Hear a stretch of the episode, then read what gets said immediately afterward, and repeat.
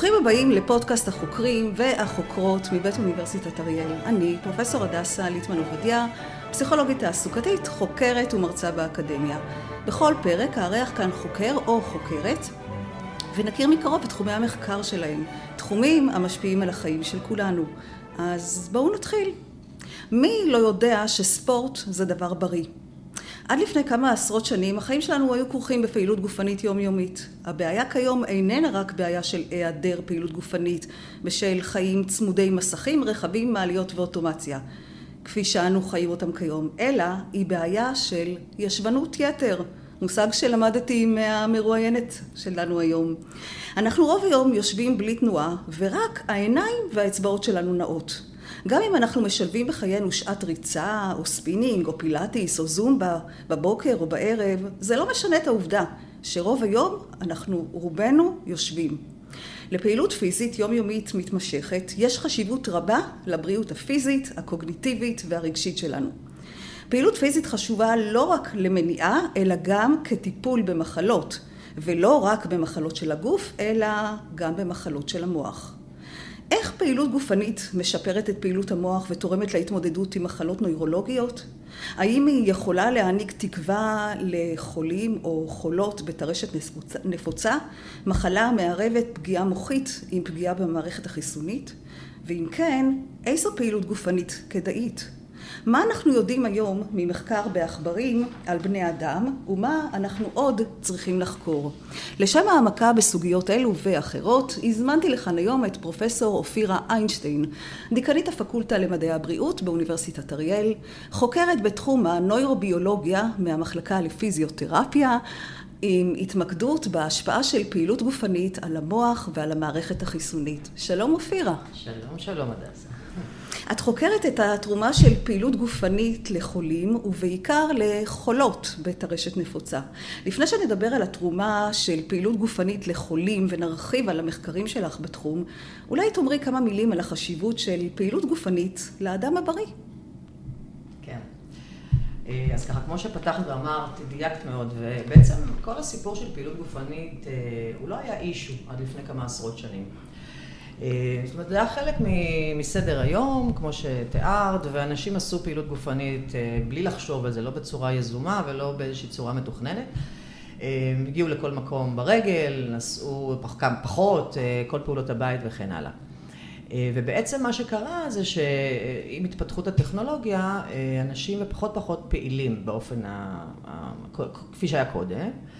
ומה שראו באמת זה שדי ביחד עם זה, קשה לקשר ישירות, למרות שיש גם מחקרים שמראים את זה באופן ישיר, אה, גם עלתה התחלואה, כמות התחלואה עלתה, ובמיוחד במחלות מאוד ספציפיות, אה, והשמנת יתר וכן הלאה, וכל הדבר הזה. ו... וברור ש... שיש קשר בין היעדר פעילות גופנית לבין תופעה, הופעה של מחלות שונות, וזה באמת, המגוון הוא רחב מאוד. אמ, אז, אז הדבר הראשון שאפשר להגיד על זה בעצם, שאנחנו יודעים היום, ושוב, זה מחקרים רבים מאוד שנעשו בשנים האחרונות במיוחד וגם קודם, ש, שבפירוש פעילות גופנית אה, מורידה גורמי סיכון, ואנשים שהם פעילים יותר גופנית הם אנשים בריאים יותר, שמחים יותר, מצליחים יותר. אמ, אז זה, זה מבחינתנו אצל האדם הבריא, בואו נקרא לזה ככה. אמ, ל-well-being, מה שנקרא, יש מושג כזה שנקרא well-being, ואדם פעיל, ה-well-being שלו גבוה יותר, זה, זה, זה ברור.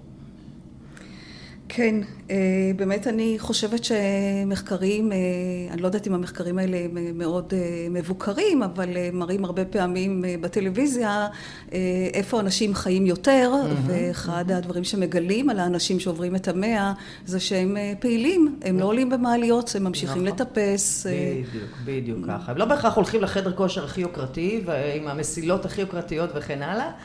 הם פשוט עושים את הדברים היומיומיים בצורה, עם הגוף שלהם ופחות עם מכונות, אה, כן. לגמרי. אנחנו יצורים אה, תנועתיים, כן, ואנחנו כנראה נעים פחות נכון, היום. בדיוק אה, וחבל. נעבור לדבר על מחלות נוירולוגיות, זו קצת mm. קפיצה, ויותר ספציפית נדבר על טרשת נפוצה, שזאת המחלה שאת חוקרת אותה כבר הרבה מאוד שנים. אה, סיפרת לי בשיחה מקדימה שטרשת נפוצה, שהיא מחלה כרונית, מערבת פגיעה גם במוח וגם במערכת החיסונית. ובמחקרי מעבדה שלך את בודקת את ההשפעה המיטיבה של פעילות גופנית על שתי המערכות האלה. תוכלי להרחיב? כן, כן. אז כן, עשינו ממש קודם קפיצה כזאת, אז אולי בשביל קצת לגשר, לגשר. על, ה, על הקפיצה הזאת, אז אני אגיד ככה. אז, אז באמת... הרבה מאוד שנים אה, חקרו ועדיין חוקרים את הקשר בין אה, פעילות גופנית וספורט ומאמץ גופני אה, לתחלואה גופנית. תחלואה גופנית זה מהצוואר ומטה, זאת אומרת, על השפעות על הלב, על מערכת השרירים, מערכת הדם, סוכרת, שזה גם, יש הרבה מחקרים על, על, על סרטן ופעילות גופנית ודברים כאלה. וככה, אני חושבת שבעשור האחרון במיוחד, אולי קצת קודם, התחילה איזושהי התעניינות לגבי ההשפעה של פעילות גופנית על המוח, שזה איבר בפני עצמו, איבר מאוד מאוד חשוב. ויש הרבה מאוד מידע על אה, השפעות חיוביות של פעילות גופנית, אה, שוב, אצל אנשים בריאים וגם אצל אנשים חולים. זאת אומרת, אם ניקח אנשים בריאים, וזה גם מתקשר לשאלה הקודמת, אה, אנחנו יודעים שפעילות גופנית אצל אנשים בריאים אה, משפרת מאוד את הקוגניציה, שזו מילה מאוד כללית, אה, שאפשר לפרק אותה לכל מיני דברים, נושא של ריכוז, נושא של... זיכרון. זיכרון, בוודאי. תפיסה. תפיסה, נכון. כל המרכיבים האלה, ויש הרבה מאוד מחקרים על ילדים למשל, וסטודנטים, פעילים או לא פעילים, ומראים איך סטודנטים או תלמידים מצליחים יותר בבחינות, סטודנטים ותלמידים פעילים מצליחים יותר בבחינות. וההתעניינות הזאת סביב פעילות גופנית ומוח אה, כמובן אה, מאוד רלוונטית למה שאני עושה, גם אני מאוד מתעניינת בנושא הזה. אה, ואם אנחנו הולכים בהקשר של מחלות, אז יש הרבה מאוד ספרות על פעילות גופנית ומחלות שהן מחלות מוחיות קלאסיות. זאת אומרת, אם נסתכל למשל על פרקינסון, על אלצהיימר. אני אומרת קלאסיות במובן הזה שזו מחלה של המוח, נכון להיום, שוב, מדע זה דבר אה, דינמי. למרות שזה ו... משפיע על כלל החיים, ויש לזה גם השפעות מוטוריות. אה, ודאי, אבל באמת ההשפעות המוטוריות הן כתוצאה מתחלואה מוחית, זאת אומרת, בגלל שהמוח חולה, אזורים שאחראים לתנועה וליצירת תנועה, והפעלת שרירים הם פשוט חולים, ולכן גם כמובן אה, היכולת המוטורית יורדת. אמ, אז זה לכאורה, אני אגיד בעדינות ובזהירות, זה בכלל לא קל לחקור, אבל כאילו יחסית יותר פשוט מכיוון שיש לנו מחלה מוגדרת באזור מסוים במוח, אפשר לעשות פעילות גופנית, אפשר לבדוק את המוח באזורים האלה ולראות איך, איך הפעילות אמ, אה, גופנית משפיעה אה, על המוח ועל המחלות האלה. ואני רק אגיד פה, כן חשוב להגיד, למשל, יש הרבה עדויות ש, שפעילות גופנית דוחה סימנים של אלצהיימר, משפרת אה, פעילות מוטורית אצל חולים חולי פרקינסון. מה שמאוד רלוונטי עם תוחלת החיים שהולכת ו... ודאי, וגדלה אצלנו. ודאי, זה מחלות, שני, שתי מחלות שציינתי, הן מחלות שהן מאפיינות בעיקר את הגיל המבוגר, המחלות, יש כל מיני סוג, זאת אומרת, יש כמה תתי סוגים של מחלה, אבל המחלות הקלאסיות הן באמת אצל אנשים יותר מבוגרים, אז ודאי שזה מאוד מאוד רלוונטי. אה, זהו עכשיו, טרשת נפוצה. אז טרשת נפוצה היא מחלה שהיא מחלה מוחית, זאת אומרת מחלה נוירולוגית ללא ספק. אה, זו מחלה כרונית. שבעצם אה, ב, ב, יש כל מיני צורות של טרשת נפוצה, אבל בגדול רוב החולים, הם, אה, או חולות יותר נכון, כי אנחנו יודעים שזה בעיקר אצל חולות. זה שכיח הרבה יותר בקרב נשים, נכון? נכון, כי זה, המחלה, טרשת נפוצה היא בתוך הסל של מחלות אוטואימוניות. אוטואימוניות זה אומר, וזה כבר מחזיר אותי לעניין השני, אבל זה מחלות שבעצם מערכת החיסון אה, תוקפת מרכיב של הגוף, באופן, בטעות. זאת אומרת, טעות של מערכת החיסון. אה, מערכת החיסון בדרך כלל אמורה להגיב לפולשים זר. זרים, בדיוק, אז אה, חיידקים, וירוסים, כל מיני דברים כאלה, אנחנו כל הזמן חשופים לזה, מערכת החיסון פועלת וזה פנטסטי, בזכות זה אנחנו חיים. אבל פה פתאום מערכת החיסון מזהה איזשהו גורם אה, של, של, של עצמה, של הגוף עצמו, ומתחילה לתקוף אותו, להפעיל את התאים הרלוונטיים ואת כל המערכת. אז זה נקרא מחלה אוטואימונית, ובאמת בהקשר הזה אנחנו יודעים שמחלות אוטואימוניות בגדול, מכל הסוגים, הן יותר שכיחות אצל נשים. למה? שאלה מצוינת, יש פה, זאת שאלה טובה. אמ, אני חושבת שזה הרבה תלוי במעגל ההורמונלי, זאת אומרת, ברור, ביולוגית נשים שונות מגברים, זה מובן. אה, יש מעגל הורמונלי שאצל גברים הוא אחר, וכנראה שיש קשר בין הדברים. זאת אומרת שאולי יש יותר פעילות הורמונלית אה, או יותר שינויים הורמונליים לאורך החיים אצל נשים, אז... כן, אה, גם ההורמונים הם אחרים, זאת אומרת, יש פה הרבה דברים שכנראה... אפשר לתת גם איזשהו הסבר פסיכולוגי, אוקיי. למה פה יש תקיפה פנימה ושם יש תקיפה החוצה. וואו, וואו, זה מעניין, אוקיי, פה התחלת לפתח תיאוריה מעניינת. נעבוד על זה אחר כך כן, אולי. כן, הנה, עשיתי לכוכבית להמשך, בסדר. כן, אז נשים יותר נוטות לחלות במחלות אוטואימוניות מאשר נכון, גברים. נכון, ולכן באמת אנחנו רואים יותר חולות טרשת נפוצה. אז כמו שאמרתי, טרשת נפוצה היא מחלה כרונית. אמ, שבסופה היא מידרדרת, בסופו של דבר היא מידרדרת. אמ, זה מתחיל מאיזשהו סימפטום נוירולוגי כמו הפרעה בראייה או איזושהי הפרעת תנועה, הפרעת תחושה. טשטוש ראייה הרבה כן, בדיוק, בדיוק, ואז עושים את כל המבדקים, MRI וכן הלאה, ומאבחנים. דיקור כן, מותני. דיקור מותני גם בין היתר. זהו, וברגע שחולה כזאת מאובחנת, אין, אין לדעת, זאת אומרת, ההתקף הבא יכול להיות בעוד חודש, יכול להיות בעוד שבוע, יכול להיות גם בעוד חמש שנים. אבל בסופו של דבר, המחלה מידרדרת. אין ו... היום תרופה למחלה, נכון? נכון, נכון עדיין אין. נכון. אז יש הרבה מאוד מחקר סביב טרשת נפוצה, יש קבוצות מחקר מאוד גדולות בעולם. גם בשיבא. נכון, גם בשיבא יש קבוצה שחוקרת את המחלה, יש בהדסה מרפאה. ובעצם מנסים לפתח כל מיני תרופות, שהתרופות בעצם, מה שהן בדרך כלל עושות ככלל, הן דוחות את ההידרדרות של המחלה, או שהן דוחות את ההתקף הבא, ובאופן כללי את ההידרדרות. אבל אין טיפול היום, אין רפואה למחלה הזאת, ועדיין המחקר פעיל ומנסים למצוא את הקשר. אמ, ואני זוכרת את עצמי בתור פיזיותרפיסטית צעירה בזמנו, אה, כשדובר על פעילות גופנית וטרשת נפוצה, הייתה מין אמירה כזאת מאוד ברורה, ש, שחולי טרשת נפוצה לא אמורים לעשות פעילות גופנית. זה מחמיר להם את הסימפטומים, זה לא בריא, אה, צריך למצוא להם פתרונות אחרים. אני מוכרחה רגע לספר לך משהו. כן. אה, ככה קצת שיתפתי לקראת הריאיון שלנו, כן. וסיפרו לי על אישה צעירה לפני הרבה מאוד שנים שאובחנה בטרשת נפוצה. והרופא אמר לה בדיוק את מה שאת אומרת mm. כרגע, תימנעי מפעילות אה, גופנית. כי זה ידרדר את מצבך. והיא הייתה מורה לחינוך גופני, mm. והיא התעקשה דווקא להגביר פעילות גופנית. מעניין. זה היה, היא אובחנה בשנות ה-20 שלה, היום היא בשנות ה-90 לחייה. וואו, איזה סיפור. עד גיל 80 ומשהו היא עוד הלכה. יאללה, איזה סיפור מדהים, את רואה אני בטוחה שיש עוד הרבה סיפורים כאלה. בוודאי, בוודאי, כאלה שלא הולכים עם הזרם. ואם זה השירות שנעשה בעקבות הפודקאסט הזה, אני חושבת שדיינו. נכון, נכון, נכון, נכון. אמ, כן, אבל את יודעת, זה מה שידוע, אני לא חושבת שחלילה, חס ושלום, זה נעשה מתוך איזושהי, זה, זה, זה פשוט, זה הידע שהיה עד אז, מתוך איזה שהן תצפיות כאלה ואחרות, זה, זה, זה מה שהיה מקובל. לא להתאמץ. נכון, לא, לא להתאמץ, כי הטענה הייתה שהמאמץ אה, יכול להחמיר את הסימפטומים. אני מניחה שהיה לזה איזשהו בסיס, אבל... ואז התחילו להופיע מחקרים אחרים שמראים שדווקא פעילות גופנית אצל חולי טרשת נפוצה, חולות טרשת נפוצה, מאוד משפר את התפקוד היומיומי לאורך זמן, כן? משפר את התפקוד היומיומי, בוודאי את ההרגשה, את המצב רוח, כי שוב, כל מחלה כרונית מלווה בשינוי מצב רוח כמובן, אה, יש לזה, יש לזה המון משמעויות על היכולת לתפקד בכלל ועל ההרגשה וכן הלאה. אז יש עד היום המון מחקרים שמראים את ה... בוא, נגיד, בוא נקרא לזה את ההשפעות המיטיבות הקליניות על חולי טרשת נפוצה. אבל עדיין המנגנונים שעומדים בבסיס ההשפעות המיטיבות האלה הם לא ידועים מה בדיוק עושה את זה, מי מעורב, מה מעורב. ואיזה סוג של פעילות פיזית עדיפה? בדיוק, כי יש בדיוק. הרבה סוגים. נכון. אז אחד באמת, אנחנו לא יודעים מה המנגנונים, והדבר הבולט השני זה בעצם שאין guidelines, אין הנחיות. כשהיום חולת טרשת נפוצה מגיעה לרופא שכבר כן יודע שצריך להמליץ על פעילות גופנית, הוא לא יודע להגיד מה. הוא אומר, תעשי פעילות גופנית. עכשיו, זו אמירה מצוינת, אבל משם מה, מה אותה אחת אמורה לעשות עם זה? זאת אומרת, לטייל בפארק זה פנטסטי, בסדר, אבל זה פעילות גופנית, לעלות במדרגות פעילות גופנית, ללכת לחדר כושר, כמה זמן, כמה פעמים, לא ידוע. רק לשם השוואה, אה, כן. לעומת זאת לאנשים בריאים, האם יש אה, הנחיות מה נכון? כן, תראי, נכון? נכון, אנשים, זה, זה בדיוק מה שיפה בסיפור הזה. אני רוצה בסוף להוביל את כל השיחה שלנו לזה ש, ש, שתהיה הכרה בזה שצריך להיות, האימון גופני צריך להיות אימון גופני מותאם אישית. עכשיו זה נכון אצל אנשים בריאים, זאת אומרת, זה לא יכול להיות שאת ואני ומישהו אחר ברביעי וחמישי נעשה בדיוק את אותו אימון, כי אנחנו אורגניזמים שונים. וכשמגיעים לחדר כושר כבן אדם בריא ואת מגיעה למאמן, הוא אמור לעשות לך את כל המבדקים, לתת לך תוכנית ולקדם אותך בהתאם לתוכנית שלך. וזה נכון אגב גם לבריאים וגם לחולים. אבל פה נשאלת השאלה, בן אדם חולה, יש כל מיני התאמות שאולי צריך לעשות. לאן, מה, מה השאיפה בעצם? לאן אנחנו רוצים להגיע? בסופו של דבר כל טיפול, גם כשאישה בריאה או גבר בריא מגיעים לחדר כושר, הם צריכים להגיד מה המטרה. לפתח מסת שריר, לרד במשקל, לשפר את ה... את ה לא יודעת מה, את, את ה... את כושר לב ריאה וכן הלאה. צריך להגדיר מטרות. אז צריך להגדיר, להגדיר מה בעצם המטרה אצל אותה חולה.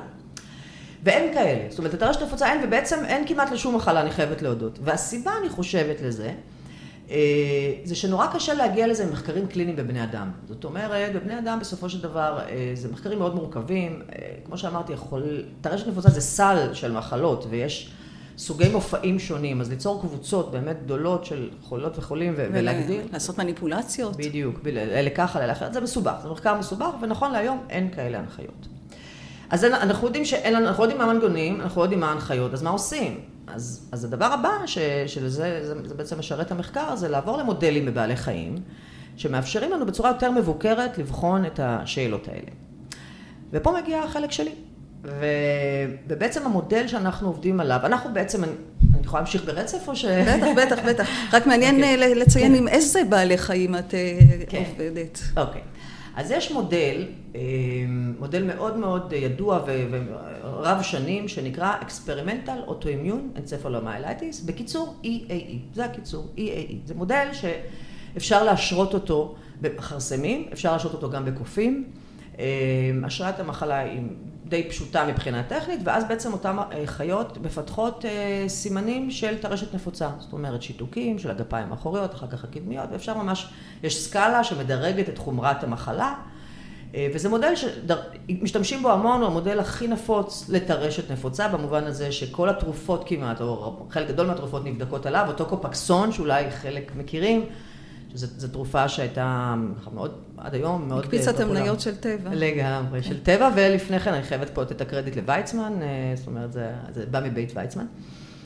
אמ, אז גם היא נוסתה על EAE, זאת אומרת, זה המודל. אז תגידי לנו רק כמה מילים על המודל עצמו. כן, אז זהו, אז המודל הוא בעצם, שוב, זה, אז אפשר לעשות את זה במכרסמים, זה אומר חולדות ועכברים.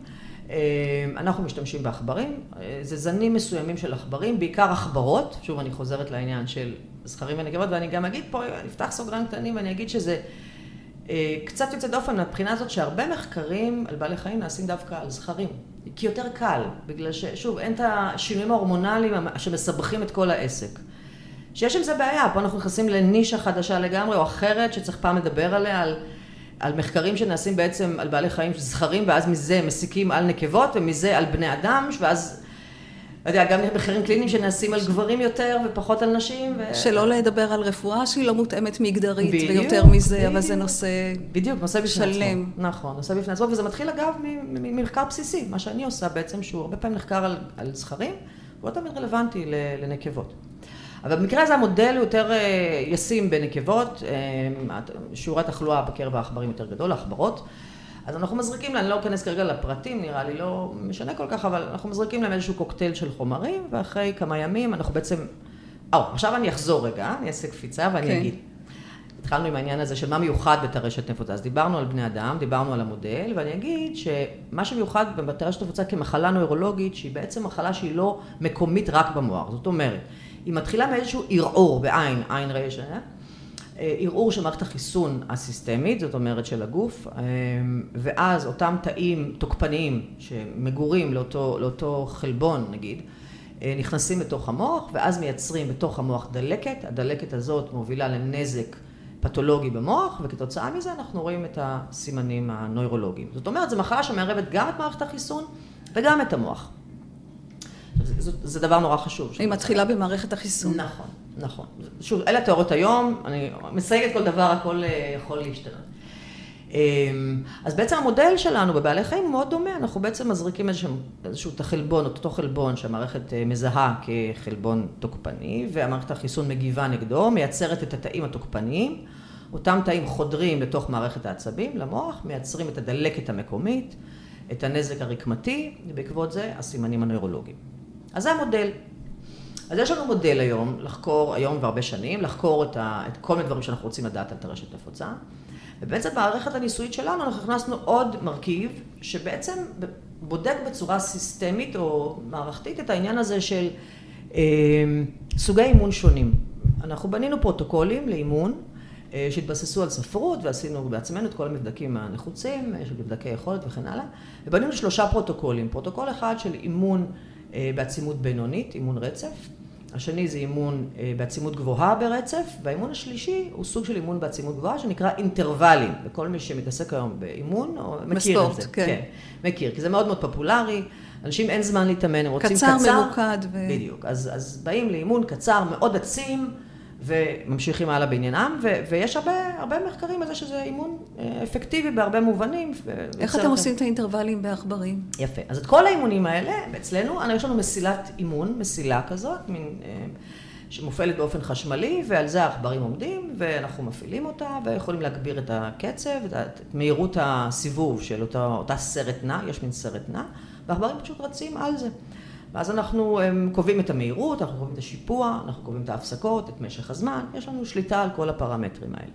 אז, אז בעצם... אינטרוולים זה עם ההפסקות? או... נכון. אז אינטרוולים, מה שעושים, עושים איזשהו פרק זמן שהוא מאוד עצים, זאת אומרת, הסרט נע מאוד מהר, העכבר צריך לרוץ בהתאם, ואז עושים הפסקה, מורידים את המהירות, ואחר כך שוב חוזרים על אותו, על אותו דבר, ושוב הפסקה וכן הלאה.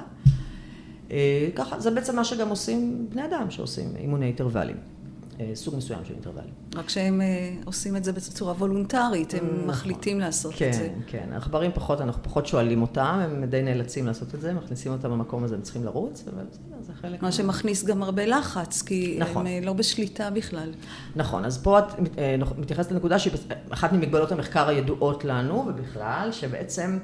אין לנו דרך להסביר לעכברים למה זה חשוב וכן הלאה. אז בעצם אה, שמו אותם, לוקחת אותם מכלוב, מכניסה אותם לתוך מערכת כזאת, וזה מלחיץ, הם לא כל כך יודעים מה צפוי, למרות ששוב, אחרי כמה פעמים הם כבר לומדים את זה, אבל עדיין זה מכניס איזשהו אה, מרכיב של סטרס, ואנחנו יודעים שסטרס, אה, יש לו השפעות על מערכת חיסון, כמובן. אז עוד פעם אני חוזרת אחורה ואני אומרת שזה בעצם מחלה שמערבת גם את מערכת החיסון וגם את מערכת העצבים. ואז יש לנו בעצם, בש... ב... ב... ב... בראייה התפיסתית הכללית של המחקר שלנו, יש לנו שתי שאלות. השאלה הראשונה זה איך אימון גופני משפיע, אמרנו מנגנון, אנחנו עושים מנגנון שבעלי חיים יכולים, מודלים בעלי חיים יכולים לעזור. אתם עובדים רק עם החולים, נכון? או שיש לכם קבוצות ביקורת עם בריאים? יש קבוצת ביקורת של בריאים, okay. אוקיי. בדיוק, שאנחנו קוראים להם יושבנים, כי הם כאלה שלא עושים את האימון. אז זה העכברים היושבנים שבעצם נמצאים רק בכלוב, אה, והם לא עושים את כל הפרוצדורה הזאת. ההתערבות היא בעצם ההרצה של העכברים על המסילה. ואז השאלה הראשונה, זה מכיוון שיש פה שתי מערכות מעורבות, אחת מערכת חיסון ואחת מוח, אז אנחנו אומרים, האם אימון גופני משפיע על מערכת החיסון, או משפיע על המוח, או גם וגם? זאת שאלה ראשונה, ואם כן, איך? זאת אומרת, מה הוא עושה במערכת החיסון, מה הוא עושה במוח, אותו אימון גופני. כלומר, מה המנגנון שעומד בבסיס של ההשפעה? נכון. והשאלה השנייה, שכמובן נשאלת, זה, זה שוב, זה בשביל לענות כן על הדברים הפתוחים שאנחנו עדיין לא יודעים. זה מה הפרוטוקול הכי נכון, זאת אומרת, מה, מה סוג האימון הכי, ש, שמייצר את האפקט האופטימלי ביותר, קלינית ופתולוגית וכן הלאה. אלה בעצם שתי השאלות. כשאתם בודקים לאורך זמן כל אחת מהדרכים, נכון? נכון, אנחנו, זה כמובן היה רצף של מחקרים וניסויים, אבל בגדול ניסינו לבדוק את הסיפור של העצימות הבינונית. סיפור של העצימות הגבוהה והגבוהה אינטרוולית. אבל עם חזרות. בטח, ודאי, זה מחקר של כמה שנים כבר, בוודאי. לא, עם חזרות על אותם עכברים, באותו, באותו מחקר אתם עושים... לא, לא, מכיוון ששוב... רק פעם אחת? כן, זה יותר מקבוצה אחת של עכברים, מפני שכל אנליזה של מוח או אחרת, זה דורש הקרבה של העכברים, הם בעצם מסיימים את חייהם ואנחנו ממשיכים הלאה עם קבוצה אחרת, זה לא אותם עכברים. כן. אמ, האלה בעצם שתי השאלות שלנו, וזה מה שאנחנו אמ, מנסים להבין. אז אה, מה, מה גיליתם? ואחר כך נראה, ננסה לראות אה, אם יש לזה השלכות הלאה. טוב.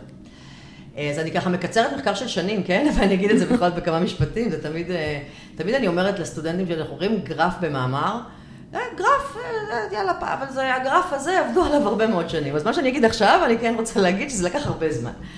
ככה. שמעתי אה, פעם, אה, קראתי, שלוקח בממוצע שבע שנים מרגע שהוגים רעיון אה. ועד שהמחקר מתפרסם, ואחר כך קוראים אותו מעט אנשים. וואי וואי, תגידי זה ממש מתסכל. בסדר, אלה הם חיינו, מה לעשות. אמ, טוב, אז אני אגיד מה, מה בעצם גילינו. מה שהתחלנו בעצם עם העצימות הבינונית, ואני אגיד, אגיד יותר מזה למען הגילוי הנאות. כשעשינו את העצימות הבינונית זה היה נראה לו הפרוטוקול, ואז בעצם משם עברנו לשאלות. אתה יודע, לפעמים מחקר זה דבר מתגלגל, ורעיון מוביל לרעיון. אז עשינו את העצימות הבינונית. מה שראינו במודל, יש לנו מודל מיוחד שיכול להפריד בין ההשפעות למוח לבין ההשפעות למערכת החיסון. זה לא מודל טריוויאלי, מעט מאוד קבוצות מחקר משתמשות בזה, יש פה, צריך מיומנות בשביל לייצר אותו, וצריך משאבים, כי זה בעצם שתי קבוצות שיכולות, אני לא אכנס לכל הפרטים, אבל יש לנו את המערכת שיכולה לעשות את זה. ובעצם ראינו שאימון בעצימות בינונית אה, אה, מווסת את מערכת החיסון, ודרך זה בעצם אה, מייצר השפעה קלינית חיובית. זאת אומרת, החיות המאומנות חולות פחות מהחיות היושבניות באימון בעצימות בינונית. אבל מבחינת המנגנון אנחנו יודעים שזה משפיע רק על מערכת החיסון.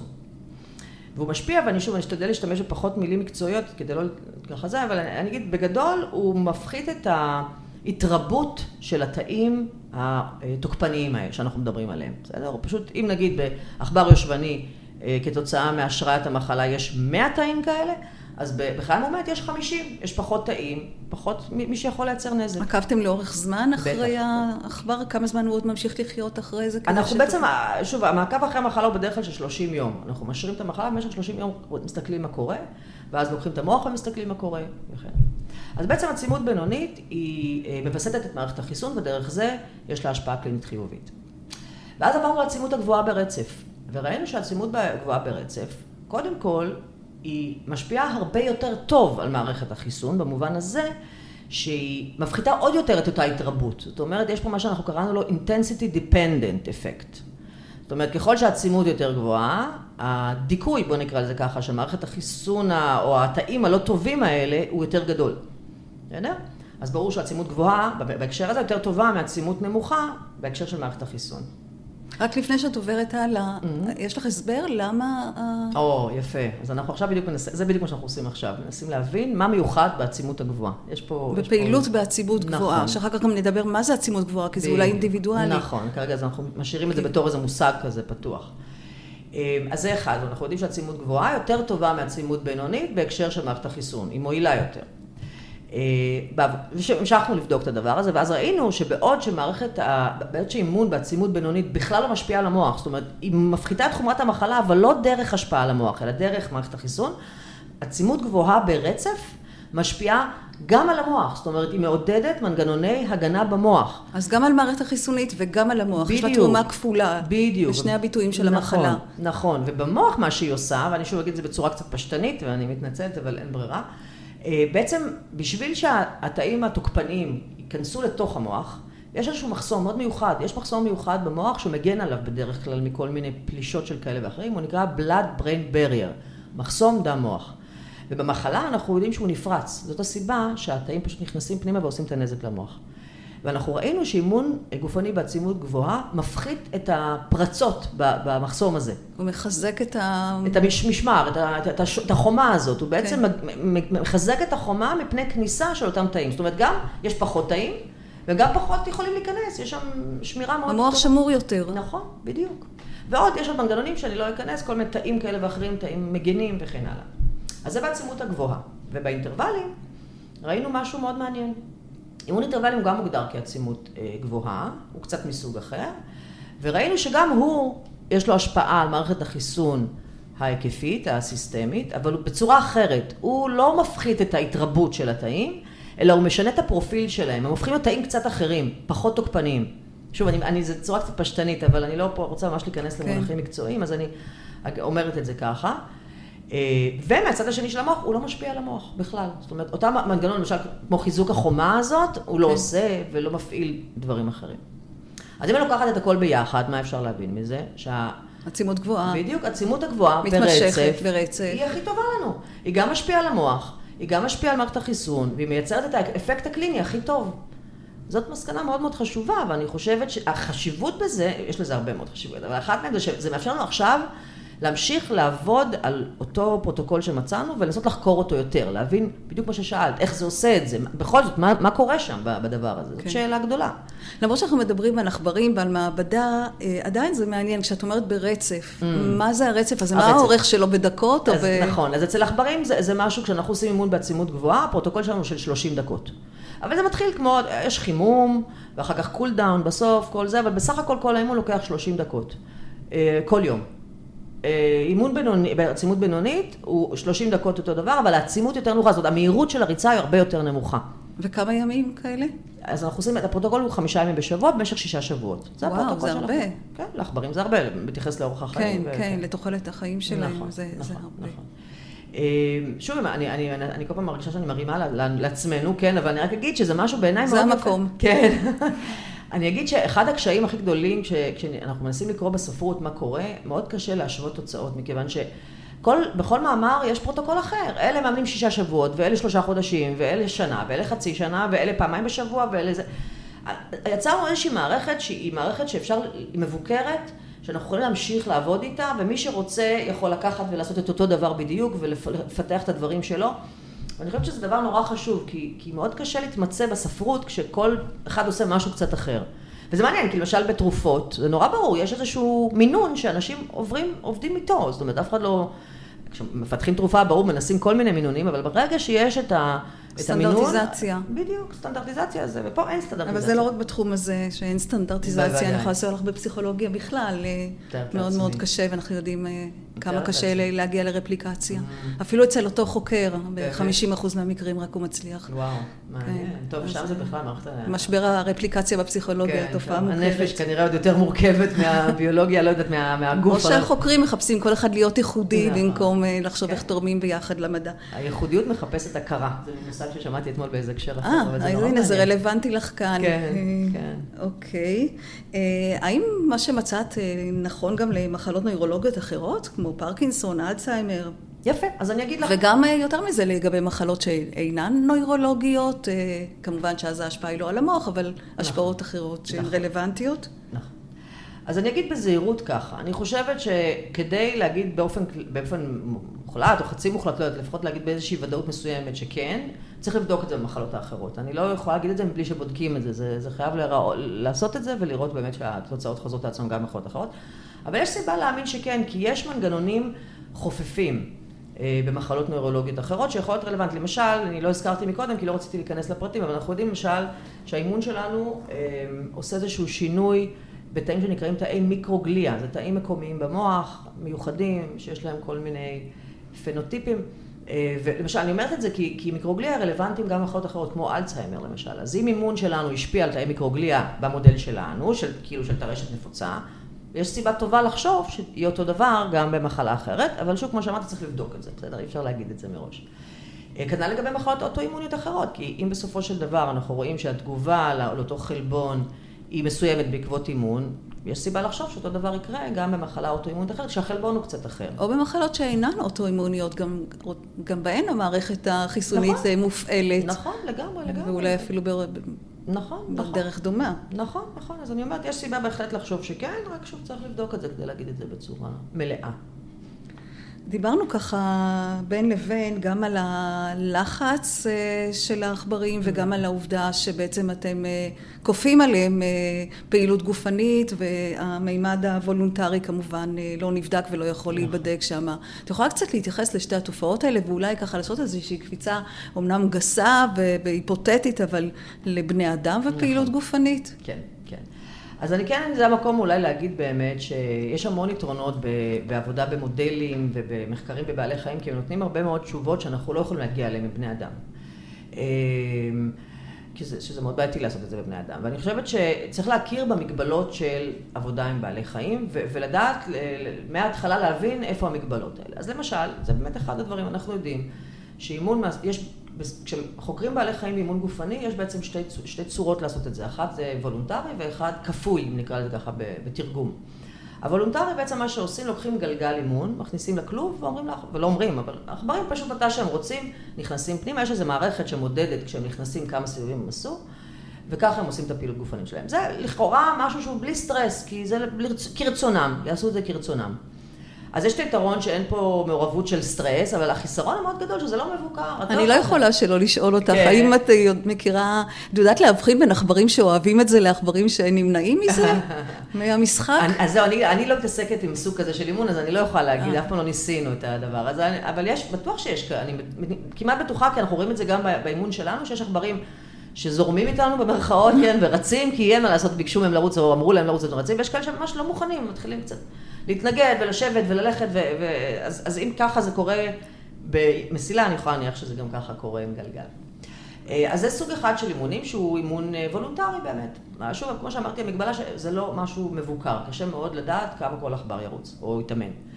ויש את האימונים מהסוג שאנחנו מדברים עליהם, יש את האימון במסילה, יש גם סוגים של אימון של אה, שחייה, פשוט שמים עכברים בתוך אה, זה, והם צריכים לשחות איזשהו זמן מסוים, זה גם סוג מסוים של אה, אימונים. בתוך אמבטיה? בתוך אמבטיה, ממש, בתוך אמבט קטן כזה עם מים. עכברים אגב, הם שחיינים טובים, הם יודעים לשחות באופן טבעי, כאילו זה, הם לא טובים, בוא נקרא לזה ככה. ואז כשמחליטים אחרי, לא כמה דקות, או 20 דקות או 30 דקות, פשוט מוציאים אותם מהמים, וזה האימון שלהם. אז זה גם סוג של אימון כפוי, זאת אומרת, ריצה או זה, מכריחים, זורקים אותם למים, אין ברירה, צריך, צריך ל... אז היתרון בזה ששוב, אפשר לשלוט בפרמטרים. אנחנו באימון שלנו יכולים לשלוט בכמה, באיזה מהירות, כמה זמן, באיזה שיפוע וכן הלאה. החיסרון, שוב, שזה מכניס פה את אלמנט הסטרס, שבספציפי במחקר כמו שלנו, שמתעסק באימון, במערכת חיסון, זה מאוד רלוונטי, כי סטרס, כמו שאמרתי, הוא משפיע על, על, על מערכת החיסון בפני עצמו, רק הסטרס, עוד לפני שבכלל התחלנו לאמן אותם. אז לוקחים את זה בחשבון. יש כל מיני דרכים להתמודד עם זה, למשל, שקבוצת הביקורת, שהיא קבוצה שלא אמורה לעבור את ההתערבות, אנחנו גם שמים אותם על המסילה.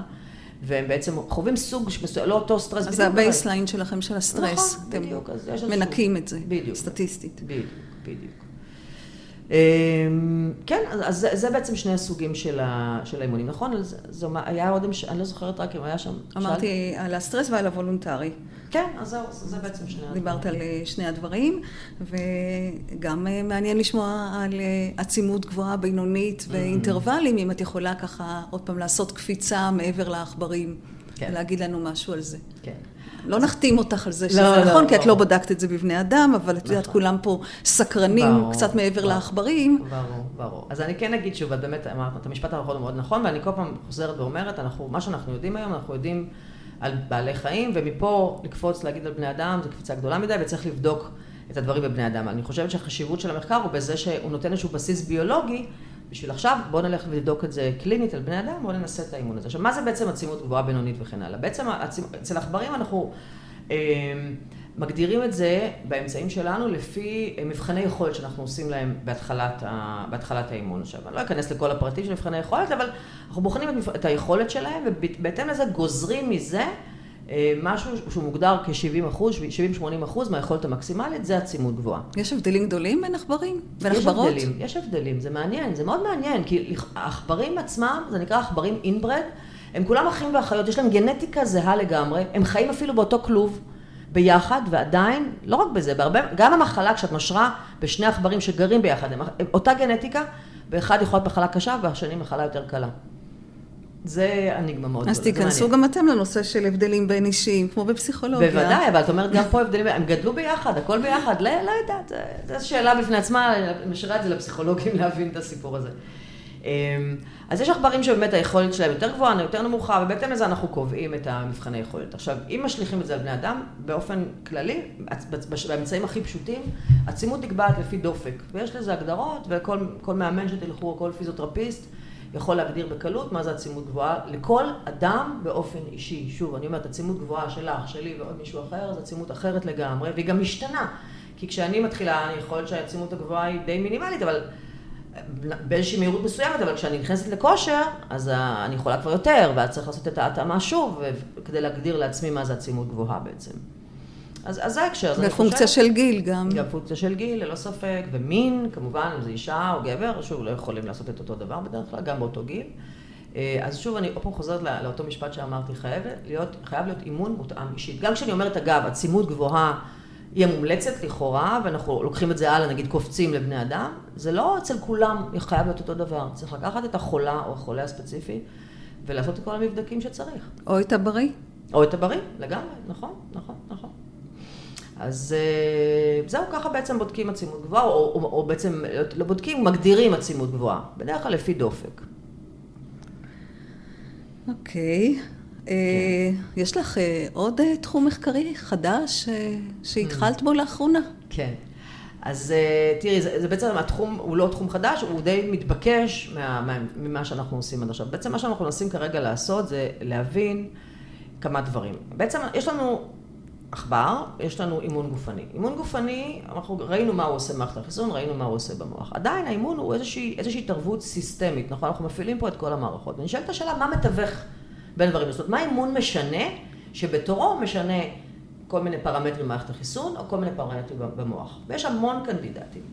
ועכשיו את מדברת על עכברים בריאים, נכון? אה, מדברת על עכברים בריאים, ואחר כך גם אפשר לבדוק את זה, האם זה, זה, זה, הגורם המתווך הזה הוא גורם שמתווך גם בעכברים חולים, תכף אני אתייחס למשל לדבר הזה.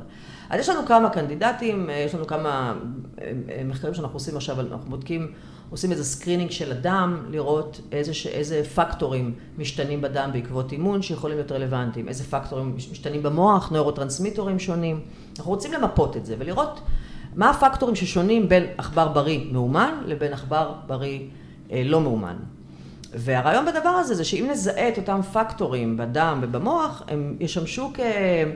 אה, קוראים לזה היום ביומרקרים. זאת אומרת, אם אני היום הולכת להתאמן, ואני רוצה לדעת האם האימון שלי אפקטיבי או לא, האם אני בכלל בכיוון. אז אלה המדדים שאפשר לבדוק לפיהם, נכון, אם לא. התקדמת או לא התקדמת. בדיוק, לוקחים את הדם, רואים אם הפקטורים האלה השתנו, וככה יודעים. אז זה כיוון אחד. אבל יש עוד משהו, עולם שלם. אה, של מדע ש, אה, שהולך ומתפתח, והתחום נקרא מייקרוביום.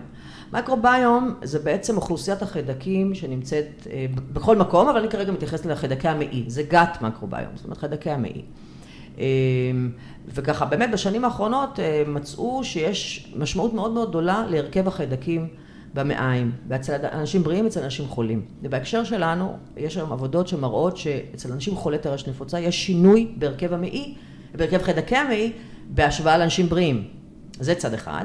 מהצד השני, אנחנו יודעים שאימון גופני משנה את הרכב חיידקי המעי. זאת אומרת, אנשים מאומנים יש להם הרכב אחר, ואנשים לא מאומנים.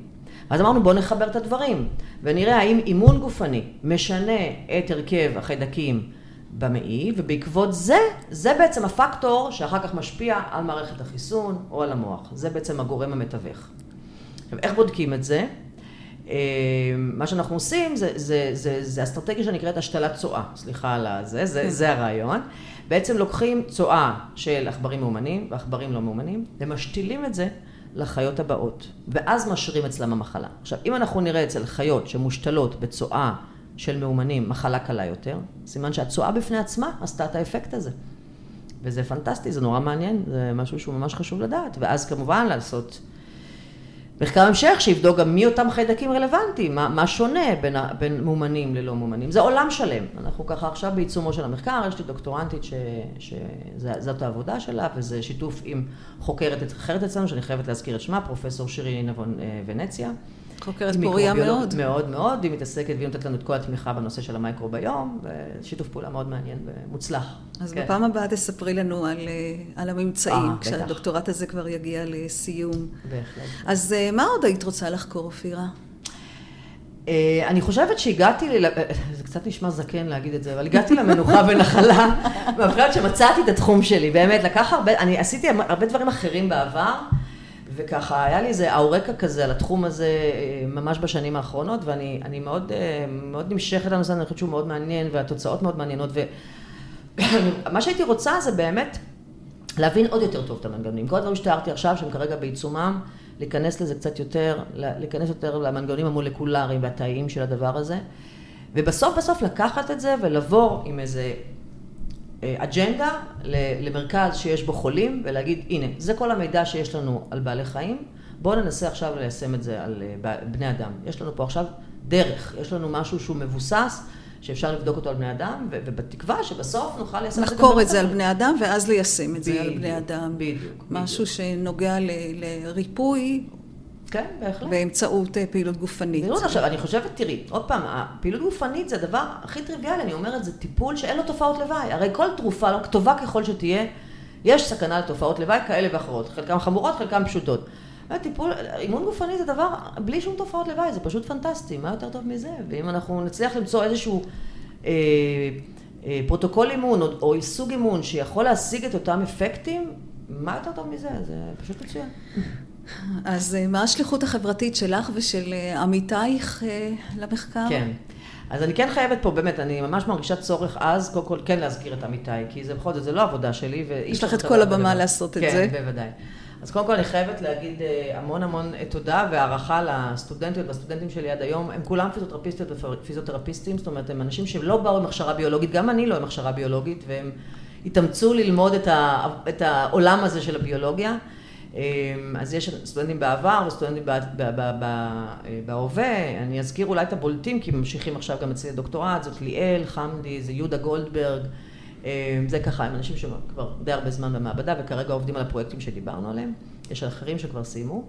ואני רוצה להזכיר את השותפים שלי, ש, שפה אני כן חייבת להגיד שאחד הדברים שאני נורא שמחה עליהם, אני נורא אה, בעד מחקרים שהם אינטר ומולטי דיסציפלינריים, אני חושבת שלשם המדע הולך. זאת אומרת, אדם בודד שמתעסק בתחום מאוד מסוים, מאוד מאוד קשה להגיע לממצאים, לפחות בתחומים שלנו, כן, אני לא רוצה להתיימר להגיד על תחומים אחרים, מאוד קשה להגיע לממצאים משמעותיים, והקבוצת מחקר שלנו היא מעבר לגבולות של אריאל. במובן הזה, שיש לי שיתוף פעולה מאוד פורה גם עם, עם פרופסור תמיר בן חור ודוקטור נינה פיינשטיין בבית חולים הדסה.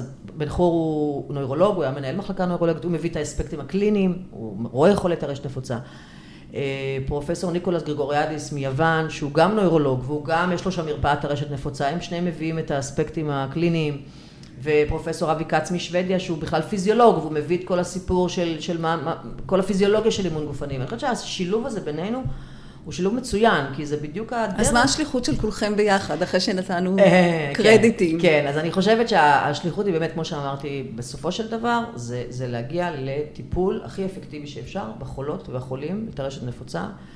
ולנסות לעזור לאנשים האלה, כי זו מחלה לא פשוטה בכלל, היא מתחילה בגיל מאוד צעיר, והיא, והיא זה, זה, זה קשה, זה כבד, זה לאורך שנים, ואם נוכל בצורה כל כך יחסית במרכאות פשוטה, אה, לעזור להם, אה, לחיות חיים יותר טובים, לדחות את, ה, את ההידרדרות, עשינו את שלנו, באמת, יותר מזה לא ממש צריך. ובלי תרופות. לא, עכשיו אני כן אגיד רק, אי אפשר בלי תרופות. אני חושבת שאימון גופני זה יהיה אימון משלים. אבל הוא יכול לשפר מאוד את היעילות של התרופות. אני חושבת שזה העניין.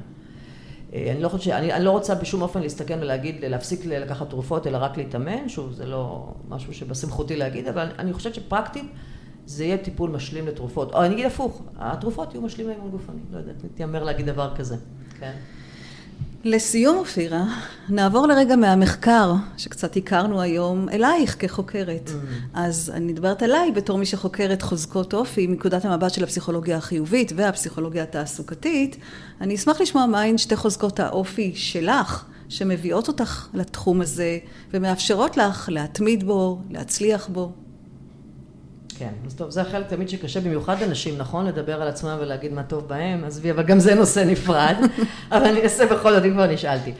אמ, אני אגיד שני דברים שאני ככה יכולה להצביע. אני חושבת שהדבר הראשון זה שככה, אני מגלה עכשיו לקראת הסוף, שאני הרבה מאוד שנים שחקתי כדורסל. ואת כבר יודעת את זה, ואני פה מספרת. כן, אתמול. כן. מאתמול אני יודעת את זה. בדיוק.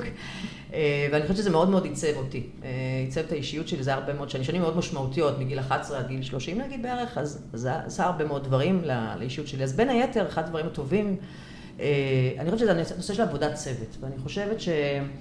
זה משהו שנורא חשוב לי. לא הייתי יכולה, גם טכנית אי אפשר לעשות את זה לבד, אבל אני גם לא רוצה, אני לא רוצה להיות לבד. אני רוצה תמיד ככה, זאת אומרת, מחפשת את השיתופי פעולה, ולכן גם יש עם שירי עכשיו, יש עוד, עוד אחרים. ואני חושבת שזה משהו שהוא מאוד, מאוד חשוב למחקר מהסוג שלנו, ובכלל למחקר בביולוגיה. זאת אומרת, כל אחד מביא את החוזקות שלו, ביחד כצוות. הנושא הזה של אה, היכולת לעבוד בצוות ולתת, זאת אומרת, ללכת לפעמים אחורה, לפעמים קדימה, לדעת, לתת את הקרדיט שצריך. אני חושבת שזאת חוזקה שבעיניי... זה בהחלט חוזקה, עבודת צוות או צוותיות, כן. כן, כן, אני חושבת. זה מוגדר גם כחוזקה. כן? כן. אז יפה, אני רואה, אינטואיטיבית אמרתי את הדבר הזה.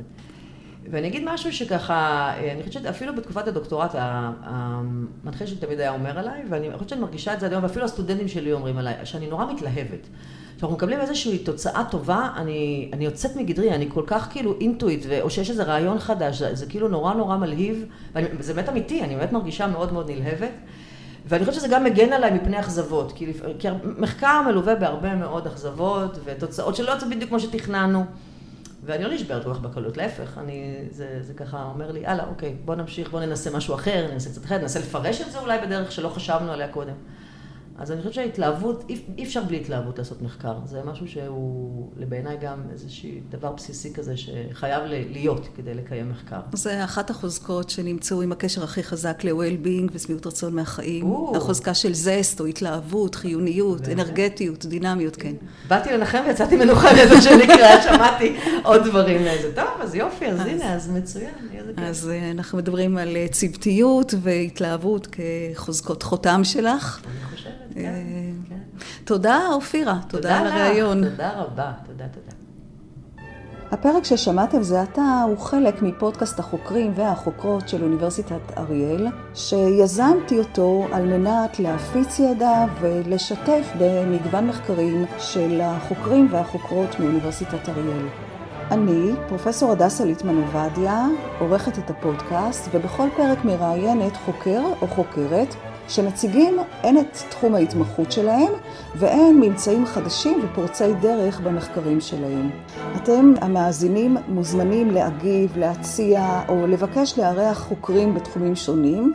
אני מאוד אשמח אם תפנו אליי עם כל תגובה למייל הבא, הדסה או H-A-D-A-S-S-A-H-O, את אריאל.ac.il.